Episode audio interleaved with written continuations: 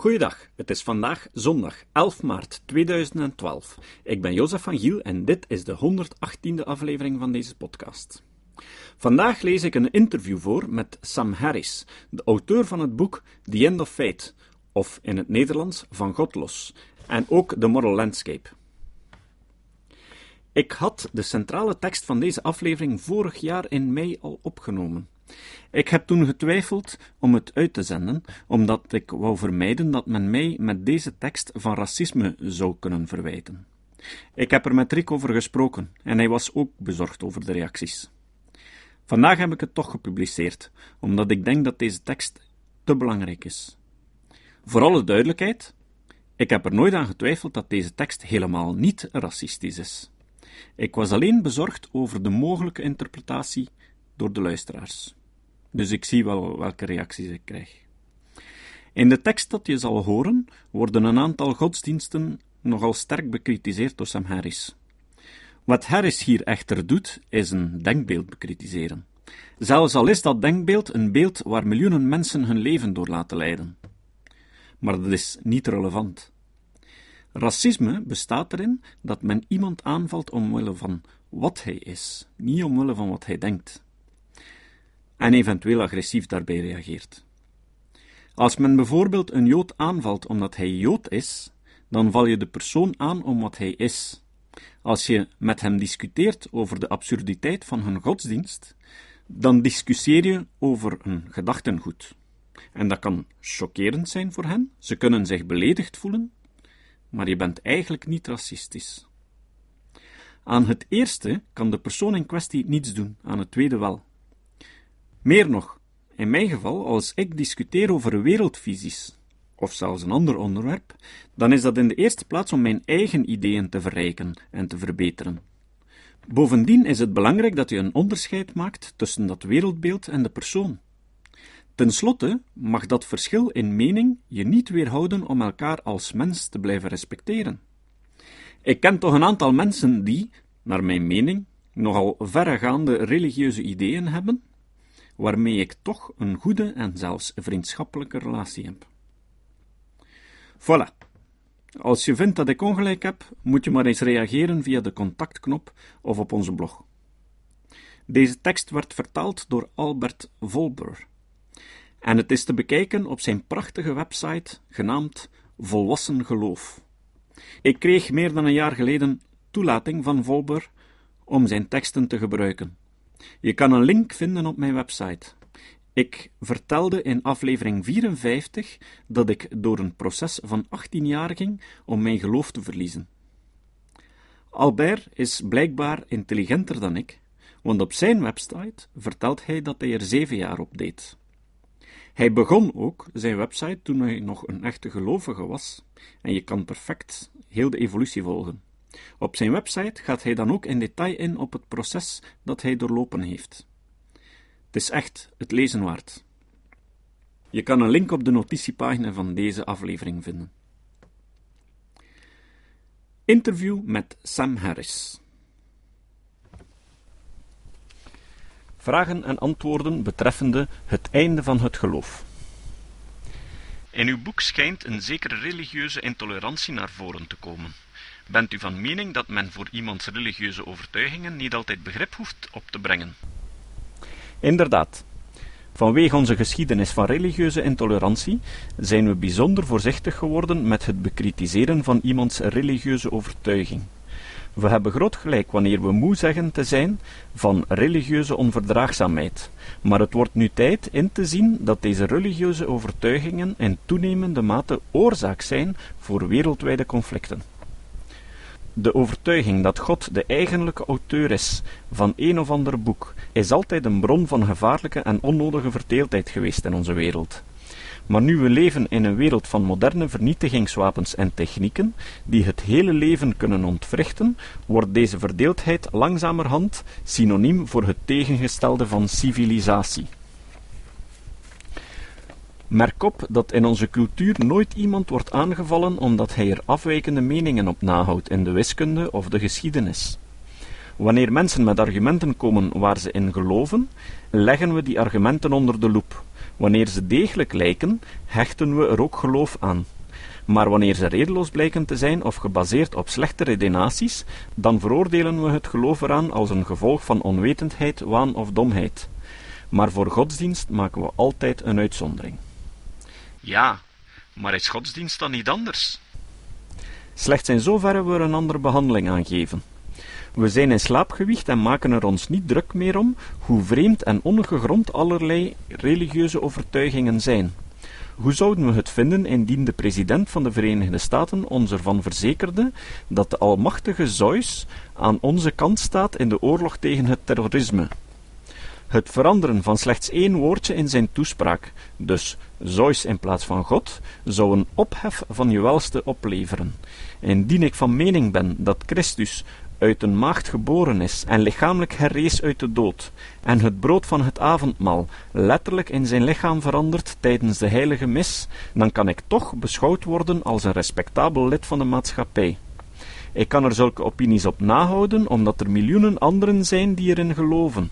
En we geleerd hebben ons er niet druk over te maken dat deze zaken volkomen irrationeel zijn. Maar kijk nu eens wat er gebeurt wanneer ik op een dag wakker word met de overtuiging dat God mij spreekt via mijn haardroogapparaat. Men zal mij dan voor gek verklaren, zelfs in de kerk. Maar de overtuigingen zijn van precies hetzelfde gehalte, namelijk in strijd met de meest elementaire principes van de rede. De perversiteit van oude boekgodsdiensten is dat ze geestelijk gezonde mensen en masse in het onmogelijke laat geloven. En wat is dan volgens u het verband tussen godsdienst en geweld? Dit verband is heel eenvoudig en direct, en onvermijdelijk. Indien je er echt in gelooft dat je naaste de hel ingaat vanwege zijn ongeloof, en je van mening bent dat de overtuigingen van je naaste het zielenheil van je kinderen in gevaar brengen, dan is het enkel redelijk je naaste uit de maatschappij te bannen of hem te elimineren. Aangezien godsdienst eeuwige beloning of straf in het hiernamaals belooft, wordt de belangrijkheid van de zaak oneindig vergroot. Welk van de twee is erger, een aanrander van kinderen of een ketter? Indien je er werkelijk in gelooft dat de ketter het eeuwige zielenheil van je kind in gevaar kan brengen, dan hoef je er niet lang over na te denken. Het is een uitgemaakte zaak. Betekent het feit dat niemand in ons land vanwege zijn religieus geloof om het leven wordt gebracht, niet dat godsdienst in een democratie omgeturnd kan worden tot een heilzame en veredelde sociale kracht? Denk er eens over na dat de Verenigde Staten een derde van de begroting ter voorkoming van aids ten goede laat komen van onderwijs in de derde wereld dat onthouding voorschrijft. In plaats van het zoveel mogelijk beschikbaar te stellen van condooms, hebben we ervoor gekozen dat ons geld gaat naar een ineffectief nepprogramma van morele instructies. Dit is zo dom dat men het ronduit catastrofaal kan noemen. Op deze manier worden miljoenen mensen met aids besmet, het welke makkelijk voorkomen had kunnen worden. Dit is een voorbeeld van hoe de christelijke moraal de kudde letterlijk het massagraf instuurt. Niet opzettelijk misschien, maar er sterven er niet minder onschuldige mensen door. Waarom bent u van mening dat gematigde religieuze mensen ook verantwoordelijkheid dragen voor de religieuze conflicten in de wereld? Is het niet zo dat gematigde religieuze mensen geweld juist in naam van hun godsdienst verafschuwen? Ze verafschuwen inderdaad geweld, maar hun overgave aan boekgodsdienst vereeuwigt de gehechtheid aan heilige religieuze teksten en overgave aan een bepaalde godsdienst, en die zaken zijn oorzaak voor het eeuwig voortbestaan van conflicten. De religieus gematigden hebben geleerd de barbaarse passages in hun religieuze boeken over te slaan, maar toch blijven ze die boeken in het algemeen als heilig beschouwen. Op die manier maken zij het onmogelijk voor ons om de fundamentalistische geloofsopvattingen werkelijk te bestrijden. Aangezien deze gematigde gelovigen de neiging hebben de krankzinnige delen van de heilige boeken te negeren, hebben ze er geen idee meer van hoe gevaarlijk de boeken zijn wanneer ze letterlijk worden genomen. In feite kunnen ze niet eens vatten dat er überhaupt mensen zijn die ze nog letterlijk opvatten. Het gevolg is dat deze mensen geen idee hebben van de rol die de godsdienst heeft in het inspireren van geweld. De religieus gematigden zijn verblind door hun eigen gematigdheid. Terwijl hoogopgeleide jihad-aanhangers voor een videocamera staan te zeggen dat ze meer in dood geloven dan de ongelovigen in leven, en zichzelf daarna opblazen te midden van tientallen onschuldige voorbijgangers. Begrijpen de religieus gematigden er geen sikkepet van hoe men hiertoe in staat kon zijn. Religieus gematigden hebben een enorm ontwikkeld gevoel voor respect voor geloofsovertuigingen van een ander. Dit respect is zo groot dat ze blind zijn om in te zien dat de afschuwelijke gebeurtenissen van de 11 september een uiting van religieuze geestdrift was. Gematigde religieuze mensen zijn niet in staat in te zien dat het probleem niet terrorisme is, maar de islam. Maar is het niet eerder een conflict van alleen moslimfundamentalisten? In de moslimwereld is men nog niet toegekomen aan een onderscheid tussen fundamentalist en gematigd. Vrijwel alle moslims zijn fundamentalisten, in de zin van oprechte gelovers dat de Koran het letterlijke en onfeilbare woord van God is. Zij hebben daar helemaal geen probleem mee. Wij hebben een probleem met de fundamentele geloofsinhoud van de islam. Gematigde religieuze mensen lijden aan een wijdverbreide waan die het gevolg kan hebben een hoog aantal doden op te leveren. Deze waan is dat alle godsdiensten ten diepste op hetzelfde neerkomen. Het is een mythe. Het hoofdbestanddeel van het Jainisme is geweldloosheid. De vrome Jainisten zullen letterlijk geen vlieg kwaad doen. Een fundamentalistische Jainist heeft dus niets gemeen met een fundamentalistische moslim. De religies komen niet op hetzelfde uit, noch de logische gevolgen van hun denken, noch hun handelen. Lees de Koran. Osama bin Laden volgt de Koran geheel letterlijk. Eenieder die beweert dat het wereldbeeld van deze man niet steunt op een interpretatie van de islam, is of gevaarlijk onwetend, of zonder meer gevaarlijk. Natuurlijk hoopt men dat de moslimwereld volgematigden is, mensen die de wereld van Osama bin Laden verafschuwen. Maar waar zijn ze? We kunnen niet zomaar concluderen dat ze bestaan. De afschuwelijke waarheid is dat, zo ze al bestaan, hun mond gemakkelijk door de tegenpartij gesnoerd wordt. Maar we hebben allemaal gematigde moslims op het nieuws en in praatprogramma's gezien, die zich distancieren van het optreden van militaire islamieten. Hebben we die echt gezien? Ja, er zijn er een paar die zich distancieren van Osama bin Laden. En met slogans aankomen als de islam is een godsdienst van de vrede. Maar dit betekent nog geen gematigdheid. Pas wanneer er gematigde moslims op televisie komen die zoiets als het volgende kunnen zeggen, weten dat er gematigde moslims bestaan. Er is veel in de islamitische geloofsleer dat men niet letterlijk zou moeten nemen. Het is bijvoorbeeld absoluut onaanvaardbaar te geloven dat iemand het paradijs kan verdienen door ongelovigen te vermoorden in een zelfmoordaanslag. In feite kunnen we er niet eens zeker zijn dat er zoiets als een paradijs is. Nog kunnen we er zeker van zijn dat de Koran geschreven is door de schepper van het universum. De Koran is een eeuwenoud boek vol religieuze wijsheid. Sommige dingen zijn nog relevant voor de moderne tijd, andere dingen helemaal niet. Zoek een moslim op die dit kan zeggen en je hebt een gematigde moslim gevonden. Je zult dan ook iemand gevonden hebben die zich schuldig maakt aan godslastering en naar alle waarschijnlijkheid gedood zal worden in bijna welk moslimland op aarde ook. Dit is het probleem van de islam. Dit alles is nogal opruiend. Inderdaad. Er worden hier nogal wat klappen uitgedeeld. We kunnen er niet meer omheen. Maar door wie? We zouden er allemaal geheel geschokt van moeten zijn dat een gehele civilisatie van mening is dat de Koran het meest wijze boek is dat ooit is geschreven. Er is geen gemakkelijk antwoord op het probleem hoe je met een cultuur van 1,3 miljard aanhangers kunt praten over het gevaar en de onjuistheid van hun meest dierbare overtuigingen. Maar we moeten inzien dat de moderne techniek deze problematiek tot een punt van buigen of barsten gebracht heeft.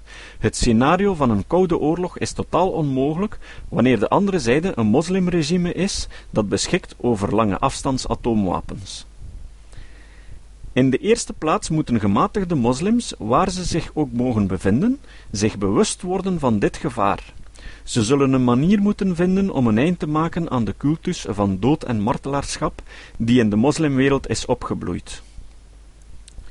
Maar sommigen beweren dat aan de basis van de moslim, of beter gezegd de Arabische onverdraagzaamheid, niet de religie ligt, maar de politieke geschiedenis. Heeft het niet veel te maken met de Israëlische bezetting? Men kan niet ontkennen dat de problematiek van Israël op zijn minst een deel van het probleem is. De Israëlische nederzetters op de bezette gebieden zijn zelf ook religieuze extremisten die de gehele wereld in gevaar brengen. Zij leven met het idee dat God een soort alwetende makelaar in onroerend goed is. Dit is een van de kernzaken in het conflict tussen het Westen en de islam. Maar iedereen die denkt dat het westerse of Israëlische imperialisme de oorzaak is voor het raadsel van het moslimgeweld, moet eens uitleggen waarom we geen Tibetaanse zelfmoordterroristen hebben, die Chinese kinderen opblazen. De Tibetanen hebben net zoveel geleden als de Palestijnen. Meer dan een miljoen zijn om het leven gekomen door de Chinese bezetting van hun land. Waar zijn die Tibetaanse zelfmoordterroristen? Waar is hun cultus van martelaarschap? Waar zijn de Tibetaanse massa's die hun haat botvieren en luidkeels oproepen tot dood aan alle Chinezen? Ze bestaan niet. Waarom niet? Het antwoord is een godsdienst. Dit brengt ons op een andere implicatie van uw boek. U bent van mening dat niet alle culturen van gelijke waarde zijn, en dat moreel superieure maatschappijen het recht hebben om hun culturele waarden op de andere culturen over te brengen. Inderdaad, ik ben van mening dat de geciviliseerde wereld de plicht heeft om uiteindelijk de armen in ontwikkelingslanden die onder dictatuur leven te redden. Het is om het even of deze tirannie van bovenaf wordt opgelegd door een dictator of van alle zijden via de tirannie van onwetendheid. Uiteindelijk is het een probleem van scholing. Mensen die geen idee hebben waar aids door ontstaat, moeten scholing krijgen. Mensen die niet begrijpen dat vrouwen op alle gebieden dezelfde rechten verdienen als mannen, hebben scholing nodig. Mensen die denken dat je God een dienst kan bewijzen door een vliegtuig in een wolkenkrabber te rammen, moeten hoger inzicht krijgen. Wat zou u zeggen tegen iemand die een diepe religieuze ervaring heeft dat God bestaat? Ik zou alle details van die ervaring willen weten. Zelden berust zo'n overtuiging op iets waar men conclusies uit kan trekken wat betreft de structuur van het universum. Wat deze mensen wel bewijzen, is dat het zonder twijfel mogelijk is om bijzondere ervaringen te hebben. We moeten inzien dat er helemaal geen conflict bestaat tussen spirituele ervaring en rationaliteit. Het conflict is slechts tussen rationaliteit en mensen die op basis van spirituele ervaringen conclusies trekken die geheel onredelijk zijn, maar die ze toch als kennis opdienen. Nog erger is overtuiging op basis van de ervaring van mensen die al eeuwenlang dood zijn te baseren. Spirituele ervaringen kunnen wellicht zeer waardevol zijn, maar er is geen reden om iets aan te nemen slechts op basis van geloof hechten aan wat iemand anders ervaart of oude boeken pretenderen. Het lijkt wel alsof u zich helemaal concentreert op alles wat er fout is aan religie, en helemaal geen oog hebt voor al de goede kanten ervan. Godsdienst heeft toch ook de mooiste kunst, architectuur, morele waarden en menselijk handelen geïnspireerd. Het feit dat mensen prachtige dingen doen in naam van hun godsdienst, zegt nog helemaal niet dat deze dingen het beste in de naam van religie kunnen gedaan worden. Er is geen reden om te ontkennen dat evenzo prachtige dingen niet gedaan zouden kunnen worden zonder religieus dogmatisme.